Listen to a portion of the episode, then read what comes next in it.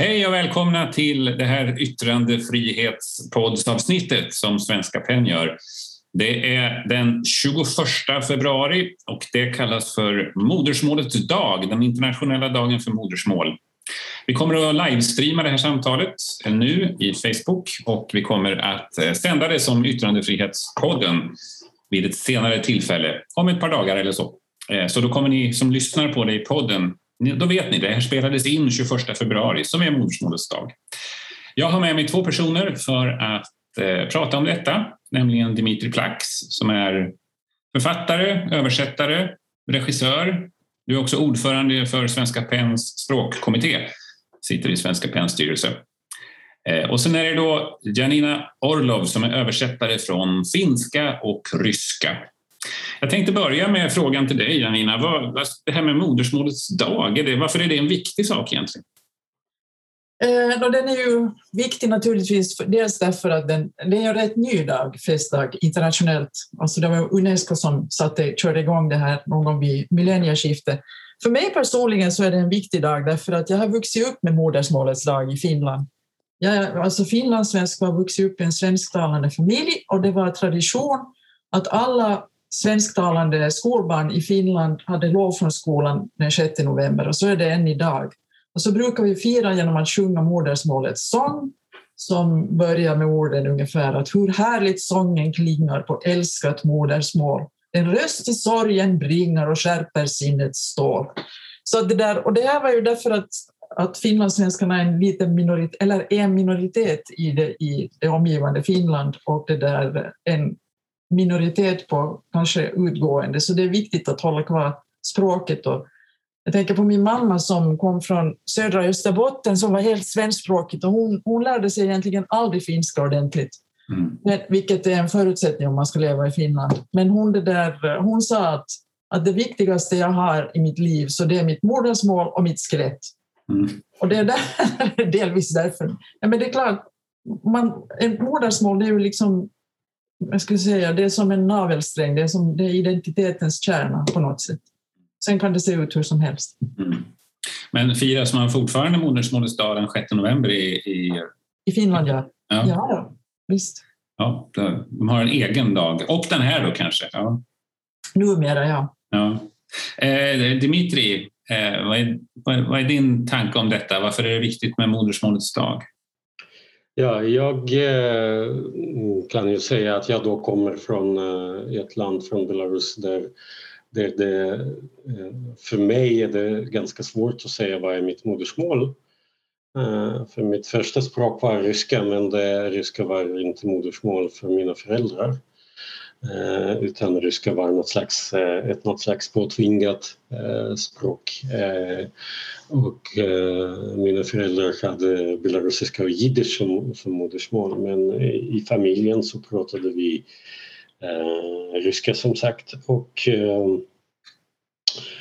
belarusiskan fanns som ett litterärt språk för min mamma har alltid eh, Eh, brytt sig om att, eh, att det fanns böcker på belarusiska i hemmet. Eh, och jiddisch var ett hemligt språk så att säga som mina föräldrar gick över när de ville vi är tre syskon i familjen och när föräldrarna ville att vi inte förstår vad de pratar om så pratade de jiddisch sinsemellan. Mm. Så att det, är, det var ungefär så. Så att, så att mitt modersmål är, är obestämt. Det är egentligen, tre, det är egentligen tre språk? Ja, något sånt.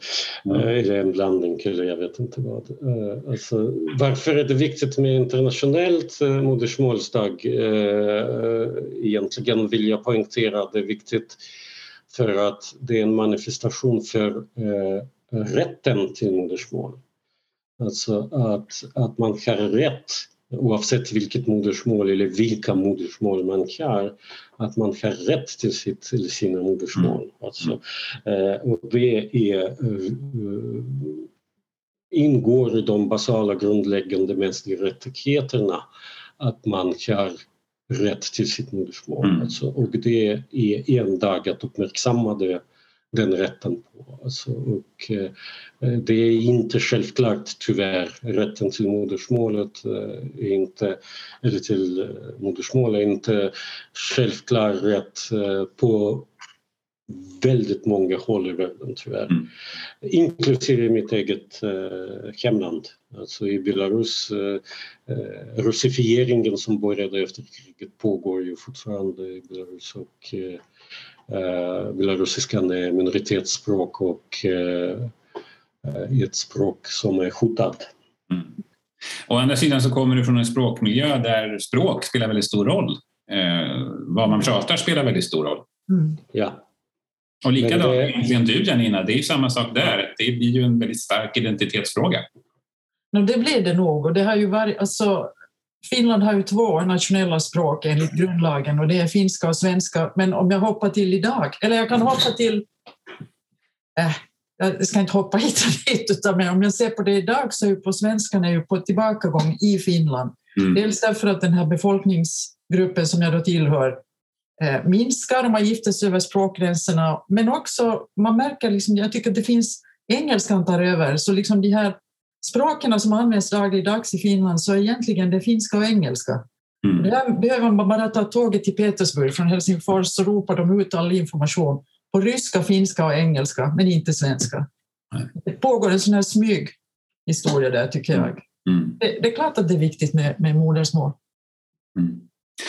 Det är också så att modersmålsfrågan har varit väldigt debatterad i Sverige under de sista eh, åren. Det är i alla fall två partier som har lagt förslag på att modersmålsundervisning ska upphöra till exempel därför att man menar att man ska satsa på svenskan och att i integrationssyfte så ska man så att få mm. folk att prata svenska mer.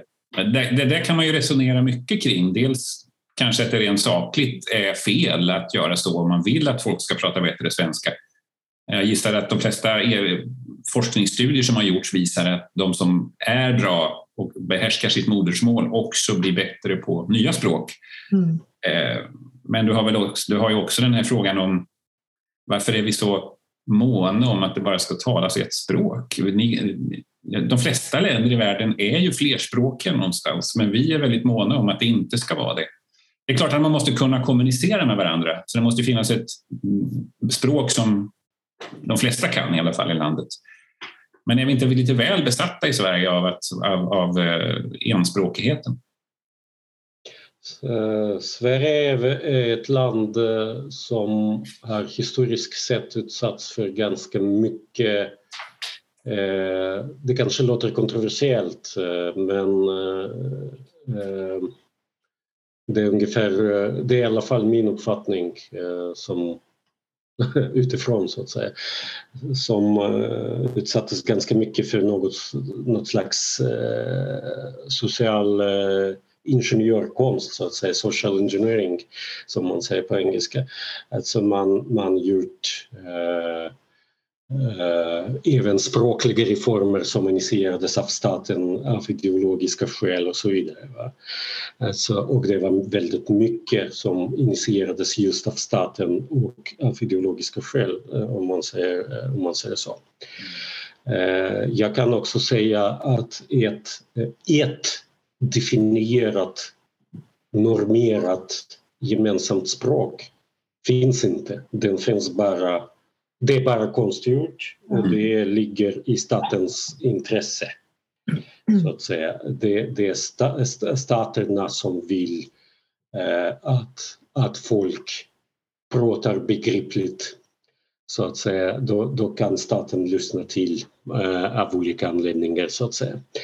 Eh, det, är, det, finns, det fanns en en väldigt känd i den delen av Europa i alla fall eh, eh, polsk eh, eh språkvetare och lingvist eh, som var professor på Warszawa universitetet och hette Wyczurkiewicz i efternamn. Alltså.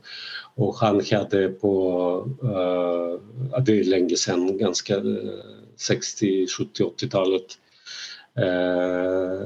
Han hade en väldigt eh, Eh, vad ska man säga, uppskattat eh, seminarium eh, i polska språket eh, på Warszawa universitetet, väldigt välbesökt. Och han brukade varje år börja seminariet med samma påstående. Han, sa, han frågade vilka som kom för att studera polska här och då alla i auditorium sa att det är de som kom och då svarade han, ni, ni kom förgäves för det finns inget som heter det polska språket. Alltså det finns polska språken i plural. Mm. Alltså, och, och ett språk är alltid eh, ett resultat av en, av en standardisering som ligger i statens intresse. Eh, där kan vi också exempelvis dra till, till minnes eh, Kina som standardiserar språket väldigt mycket. Så att säga. Och eh, folk som pratar olika dialekter i Kina kanske kan inte förstå varandra i tal alltid men de förstår varandra i skrift och så vidare. Alltså det, mm. det finns flera aspekter. Men inte, det också en, inte detta också någonstans, det är klart att det kan komma från staten och gör ju det väldigt ofta. I Kina så ser vi ju hur de agerar i Xinjiang-provinsen till exempel som, som, som förfärliga metoder för att harmonisera kultur och språk och religion. Men eh, någonstans blir det väl en naturlig effekt av att människor kommunicerar med varandra också. Att det blir en harmonisering. Eh, jag brukar tänka mycket på Burma eller Myanmar när jag, när jag tänker på de här frågorna. Där, där talas det ju ofantligt många språk och väldigt många som är helt disparata från varandra. Och där, de, de flesta språken de finns i bergstrakterna och där kan det vara så att i ena dalgången så talas det ett språk och det finns ett folkslag med en specifik kulturell bakgrund. Tre mil, fyra mil därifrån i nästa dalgång över berget så att säga så pratar man ett helt annat språk. Mm. Men däremot så har man kommunikation längs med dalgången ut mot slättlandet. Så, så man har inte haft någon, någon, kontakt med eh, dalgången bredvid historiskt men man har haft kontakt med slättlandet där båda har löpt ut så att säga. Och det här har gjort att det finns jättemånga språk men också att det då finns ett, ett slags lingua franca eller man säger som eh, burmesiska då. Eh, så att, eh, och det är för att man har kommunicerat och träffats och prat, behövt prata med varandra. Men vad tror ni om det här med utmaningen mot modersmålet? Då? För det har ju ändå skett sådana utmaningar nu. Är det, är det liksom eh, ett uttryck för förstärkt nationalism eller är det ett uttryck för verkligt goda ambitioner att öka integrationen? Eller vad, vad tror ni det beror på? Menar du det här nu med att man ska standardisera, liksom göra svensk, eller det modersmålet per se? Ja, eller modersmålsundervisningen är väl jag tänker på egentligen, där ja. det har lagts förslag om att man ska ta bort det. Det tycker jag är dumt. Men det finns, en viktig, eller det finns många viktiga faktorer här. För det första liksom det är synen på språket i sig, hur språk arbetar. För språket mm. är ju alltid språket är ju någonting rörligt och det är statt i föränderlighet. Mm. Och att man kan liksom inte bara säga att det här, är, det här är nu modersmålet och nu ska ni lära er det här. Men, men det där som jag redan sa, så det där, jag tycker, att, att moders, jag tycker det är bra med modersmålsundervisning. Det är klart det är en kostnadsfråga, men om man bortser från den så för att eh, jag tänker ju själv, alltså det är roligt med dig, eller roligt med Dimitri när du säger att, att det, det är tre språk som är egentligen dina modersmål. Och det är, liksom, det är ditt modersmål som är tre språk. Mm. Så någon annan säger det, så det, är liksom, det är ju väldigt olika. Men någonstans, det måste finnas liksom, någonstans måste man utgå ifrån. Mm. Och det där, så jag tycker att det är lovvärt. Sen beror det ju på hur utförande sker. Att man inte liksom drar in det här nationalistiska i det. För att det. det är av ondo. Då, då blir det just det här entydiga språket. Alltså, jag, jag, tror ju att, eh, att man behöver... Alltså det, det är verkligen ett um, um, komplicerat problem skulle jag nog uh, våga påstå. För att det är ju också det att Modersmålsundervisning i skolan är ju oftast inget modersmål för barnen utan det är modersmål för deras föräldrar. Mm. Mm. Alltså, och det, må, det, det, måste man också ta i beräkningen. Va? Alltså för jag vet att eh, min äh, äh, framlidne son Peter han, han såg ju modersmålsundervisning i skolan som bara är en läxa till som var jobbig. Alltså det, det, för att hans språk var svenska. Alltså punkt. Just det. Alltså det, det, det, det är liksom så att det så, det, så jag tror att det finns aspekter som säger att, att, att man ska ha ett gemensamt språk, precis som du säger Jesper, för, för kommunikationens skull. Men samtidigt måste man vara medveten om att ett språk finns som sagt inte naturligt utan mm. språket, ett och samma språk eh, ter ju sig väldigt olika och Sverige är ett väldigt bra exempel på det med sina otaliga eh, dialekter. Alltså det är samma språk men väldigt olika dialekter. Mm. Så, mm. så, att, eh, så det, det är också alltså det är ju frågan... Eh, alltså, I Sverige har vi väldigt ofta i, i, olika områden, men speciellt inom kulturområdet upplever jag i alla fall, eller jag tycker att det är så, att, att man väldigt ofta eh, väljer antingen eller.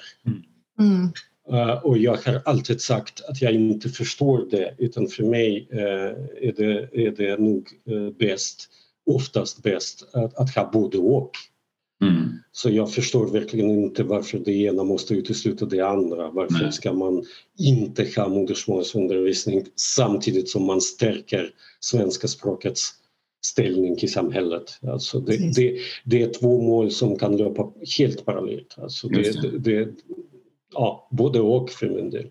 Det, tror, det tror jag också. Sen de befruktar ju varandra om man har båda två. Ja, så det, det liksom, ja. det, de samarbetar på det sättet. Men jag tänkte också på, på själva begreppet modersmål, för jag var en gång lärarvikarie på högstadiet och då hade vi modersmål. Och så var det folk liksom som opponerade sig bland eleverna och sa vad då för modersmål? Att inte det här alls var då modersmål. Att min mamma pratade inte alls det här som vi pratar nu här. Varför är det inte fadersmål? Så det var egentligen ganska smart att de ställde den frågan. Jag stod där som ett fån.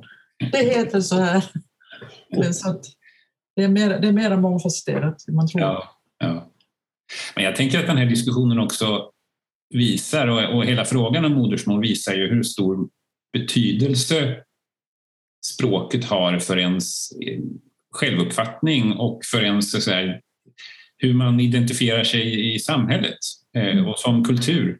Återigen för att ta Burma som exempel. Jag reste mycket där för 10-15 år sedan och det finns ett folkslag som heter kachinerna som finns i norra delen av landet. Och de har ju då historiskt alltid haft ett eget språk, fast det är också en förenkling, precis som du säger Dimitri, för egentligen så har de haft en tre, fyra olika språk, om man, fast det kallas för dialekter. Eh, språket, om man tar det paraplyspråket kallas för jingpo. Men de har då fram till sent 1800-tal aldrig haft ett skriftspråk. Så de har inte kunnat nedteckna eh, någonting på det språk de faktiskt pratade. Och så kom det en svensk-amerikansk missionär dit och skapade ett skriftspråk varpå de då så att säga, kunde börja skriva ner sin historia. Och, eh, när jag träffade folk där uppe som, som berättade om deras historia och språket och så, så sa de att utan det här konstruktionen av skriftspråket så hade de inte funnits som folkslag överhuvudtaget mm. idag. För de hade slukats av antingen kinesiska Eh, språket och kulturen eller det burmesiska språket och kulturen, norrifrån eller söderifrån. Det där väckte någonting i mitt huvud sådär att ja just det, det är faktiskt den rollen språket har. Och då tänker jag, har man då flera språk, ett modersmål och ett som man kanske pratar till vardags, så, så är det en väldigt de språken är en spegel av ens dubbla identitet på något sätt som mm. kanske är viktig och berikande. Men jag undrar en annan sak och det, det är alltså språk språk som är på utdöende. Att hur, hur länge ska man liksom hålla på mm. och stödja eller ska man låta dem försvinna därför att det är liksom den naturliga utvecklingen? Om det finns något sånt. Men att det där, för det har, det har jag stött på faktiskt i mina ryska studier. Det var en etnolog, en professor Itz i dåvarande Leningrad som han menade att man ska låta dem liksom gå, att det är ingenting. Det är mm. ingenting. ingen konstgjord andning här, utan de ska överleva av egen kraft. Och jag är inte så säker på det där. Jag vet faktiskt inte. Vi kanske ska säga det om latinet i så fall. Ja, just det. Det är väldigt få som pratar idag faktiskt. Det är det, men det finns nyhetssändningar på finska. Alltså i finska radion. På latin. latin. Mm. Ja. Jaha. Oj. Man hade också Nalle Puh som uppläsningsserie för ett antal år sedan på latin. Jaha. Medan vi- Radio Vatikan, Radio Vatikan tror jag också sänder på Ja, det- latin, ja. Just Ja, det. Alltså, ja, okej, det det, där- men, men, men som princip tycker jag det är en intressant fråga. Ja. Mm. Latin har ju varit ö, ö, dödsspråk ganska länge men har ju hållits vid liv trots det som Mm. just lingua franca som du säger och framförallt i normvetenskapliga sammanhang. Just det. Just det. Och religiösa naturligtvis Mm. också. Eh, Så det är liksom eh, den, här, den hade liksom en tydlig funktion och i vissa avseenden fortfarande har. Alltså det är väldigt mycket terminologi som är på latin fortfarande inom Ja. eh, olika eh, vetenskapsområden så att säga. Eh, det är en ganska intressant och svår fråga men jag tror att så länge det finns ett intresse till ett språk så, så eh, Eh, även om det är ett intresse för en grupp människor bara som inte kanske är språkbärare nödvändigtvis då kan det ju fungera. Jag menar eh, som, jag vet inte, galliska irländska eh, som nästan inte pratades redan men blev liksom numera är på uppsving på Irland och, Mm och sådär. Eller den klassiska, det klassiska exemplet med hebreiska som inte pratades på, på, på typ eh, ja, ett par tusen år eller nå- någonting sånt. Va? Mm. Alltså, och som liksom åter, återuppstod just för att man skulle bilda en ny nation, liksom, en ny gammal nation eller vad ska Mm. man säga. Alltså som något slags gemensamt språk. Eh, Det, det, det, alltså språk är ju så eh, eh, intressanta fenomen för det, alltså skriftspråk som du nämner eh, eh, Jesper, det är en sak men, men jag menar ju också att, att eh, eh, en muntlig tradition är ju också väldigt intressant. Alltså det, det finns ju fortfarande språk som har överlevt trots att de inte är skriftspråk. Mm. Alltså, och att man var, var, liksom väldigt mån om att just eh, varför det just kallas för modersmål Janina tror jag för att det är liksom det, det man hör från sin mamma. Alltså, Just det. Det som man får med modersmjölken. Ja precis, alltså att, att det är målet liksom som man, man och det är liksom det tas ju in eh, via hörsel, alltså vi, vi börjar ju läsa ganska sent så att säga i vår utveckling så att säga men vi hör ju alltid eh, allting redan i mammas mage och det är liksom ja. Så det, det alltså sp- språk är ju otro- otroligt intressant alltså på alla möjliga sätt. Ja. Men, men jag, för att återknyta till det vi började med, eh, jag vill också igen poängtera att det är väldigt viktigt att med modersmålsdagen, internationella modersmålsdagen, just för att man ska ha en rätt till sitt modersmål Ja. oavsett hur det ser ut egentligen. Om, om språket är på döende, om det är skriftspråk eller inte. Du har rätt att behålla ditt modersmål. Mm. Punkt. Ja, så egentligen hade min mamma rätt som sa att det är det främsta hon har utöver sitt skelett. För att det är ändå jag som Ja. pratar mitt modersmål. Men jag tänkte en, en, en annan sak med, med det här med modersmål. Jag tänker, du Dimitri, som jag menar med din bakgrund. Och sen undrar jag, jag vet inte, nu är ju omständigheterna politiskt så som de är, men det har ju också, alltså hur man förvaltar det här modersmålet. För att i, i det land där det talas så utvecklas det och man har själv inte möjlighet att, att ta sig dit. Så har du någon gång har du liksom märkt att det har hänt saker och ting? Jag vet inte om du har haft liksom möjlighet på den tiden det var möjligt att liksom ta dig dit och märka men jaha, det här är liksom, så här sa inte jag eller "Mm, det här var ett Ja, klumpigt absolut, exempel. det, det, det händer ju hela tiden. Språket utvecklas ju mm, hela tiden. Alltså, och eh, för mig som och eh, för dig kanske också Janina, alltså det ingår i översättarjobb att man Mm. förlitar sig ganska mycket på olika slags eh, ordböcker. Va? För det liksom, men sen ganska eh, fort inser man om man översätter samtida litteratur, vilket jag har gjort en hel del, liksom, eh, att eh, eh, ordböckerna hinner inte med. Nej, ordböckerna, ordböckerna eh, alltså, eh, de fixerar ju bara ett visst tillstånd mm. av språket så att säga men språket fortsätter att utvecklas och orden ändrar betydelser. Ja. Alltså jag har märkt att flera ord i belarusiska som jag eh, som inte har ändrat i uttal eh, så att säga eller skrift har ändrat betydelse exempelvis. Ja, precis. De betyder inte samma sak idag som de betydde när jag var liten så att säga. Ja, ja just det. Precis. Ja. Och sen tillkommer det nya ord och nya konstellationer, och, konstellationer av ord. Eh, alltså språket utvecklas hela tiden oavsett om man vill det eller inte så att säga för språket. Nej men för att just eh, när man är expat som man säger, eh, ja. så, som jag, då vill man ju kanske ibland att språket liksom blir något man kan lita på. Mm. Det kan man inte. så det, det, det, det är förrädiskt. Men ni beskriver ju, det tycker det är intressant för återigen, Sverige är ju ganska språkligt homogent. Det har ju aldrig varit så språkligt homogent som vi har låtsats som kanske eller, eller som, som du säger man från statlig sida har velat. Vi har alltid haft de eh, samiska språken och vi har Finskan har ju funnits i Sverige i århundraden ja. förstås. Eh, vi hade tyskar som kom hit på 1300-talet och vi hade ja, men från 1300-talet och framåt och så vidare. Så det har ju aldrig varit så homogent som men det är ändå så. Vi pratar ju ändå i huvudsak en ganska stor andel av befolkningen här har ju ändå svenska som sitt modersmål.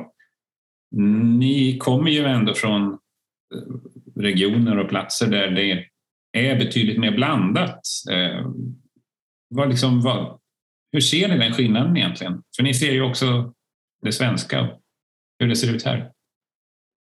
Jag måste säga att, att, när jag växte upp, jag växte upp då i en svenskspråkig familj och jag hade bara svenska vänner och bekanta utanför Helsingfors. Så att jag kunde ju ingen finska alls. Jag kunde några ord eh, mm. när jag började skolan. Och sen när jag var tio år så gick jag på och red i ett ridstall och där pratade alla finska och så lärde jag mig finska. Men det har slagit mig nu i efterhand att, att liksom all, eftersom vi ändå umgicks på svenska i familjen och så vidare, så den barn och ungdomskultur som jag tog del av, den kom ju i, högst, den kom liksom i huvudsak från Sverige. Mm. det var intressant, man läste liksom om det utspelar sig i olika skolor och jag, jag förstod inte alls mig på det svenska skolsystemet. Men det var någonting som jag inte heller ifrågasatte, för jag var liksom inte medveten om. Det var så här var det här var jag bodde. Och sen när jag så småningom flyttade till Sverige 1997 så blev jag, tänkte så här, gud vad skönt, nu får jag flytta till ett land där alla skyltar står på mitt språk och liksom folk förstår vad jag säger. Men inte förstod ju någon när jag kom in med finlandssvenska på H&M och skulle köpa någonting. Så vad säger du? Liksom, Va? Jag pratar ju svenska och så vidare. Många missförstånd. Men det är intressant samtidigt. Men att det, så där är det. Jag tror det där får jättemånga, alla som flyttar på sig så får de uppleva motsvarande. Mm. Det är ju det att, att, att liksom rörligheten, precis som du säger eh, Janina, är ju viktig.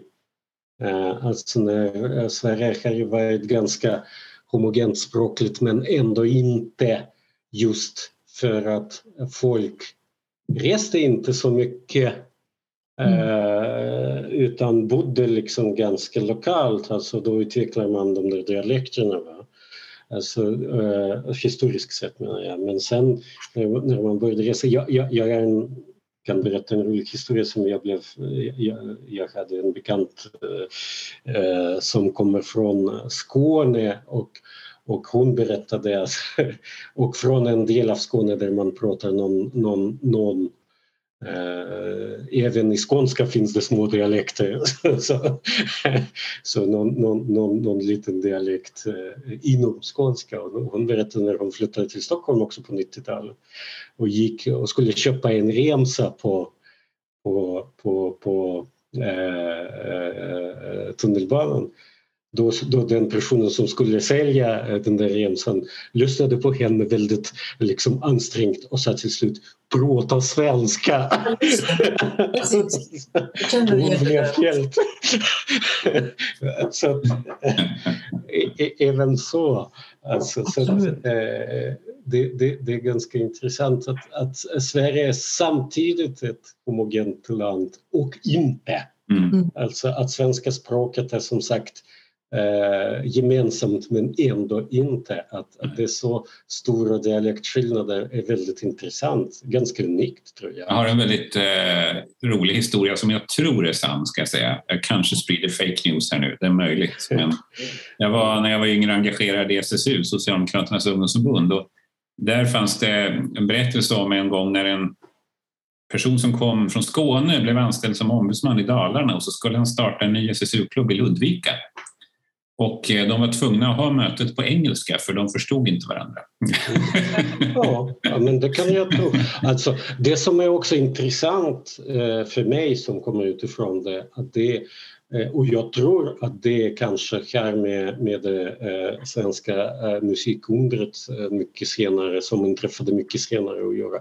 Alltså, man blir ju väldigt musikalisk, alltså man får en musikalisk gehör Mm. För att anpassa sig hela tiden till olika språkmelodier. Alltså jag har översatt och, kände äh, äh, Slas, alltså äh, när han levde, äh, Stig Claesson då.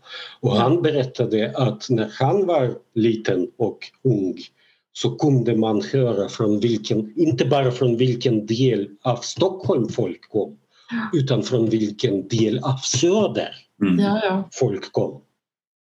Just det. Alltså så pass. Just det. Och, det, och det, där, det där är ju väldigt, väldigt intressant och man måste verkligen ha ett, ett, ett musikaliskt öra för att höra på de, på de där små skillnaderna som, uh, uh, som, fanns, som, som finns i viss mån fortfarande men fanns ännu mer då. Just det.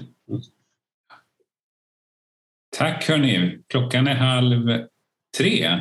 Mm. Eh, det är måndagen den 21 februari, modersmålets dag och vi har pratat om språk i huvudsak ska jag säga, men modersmål eh, mycket också. Det har varit intressant. Eh, jag vill att ni hänger kvar lite när vi har stängt av här, eh, men vi kommer att avrunda detta. Tackar Nina Orlov, Dimitri Flax, själv heter jag Jesper Bengtsson. Tack. Det här är då Yttrandefrihetspodden, livestreamat samtal som Svenska PEN gör.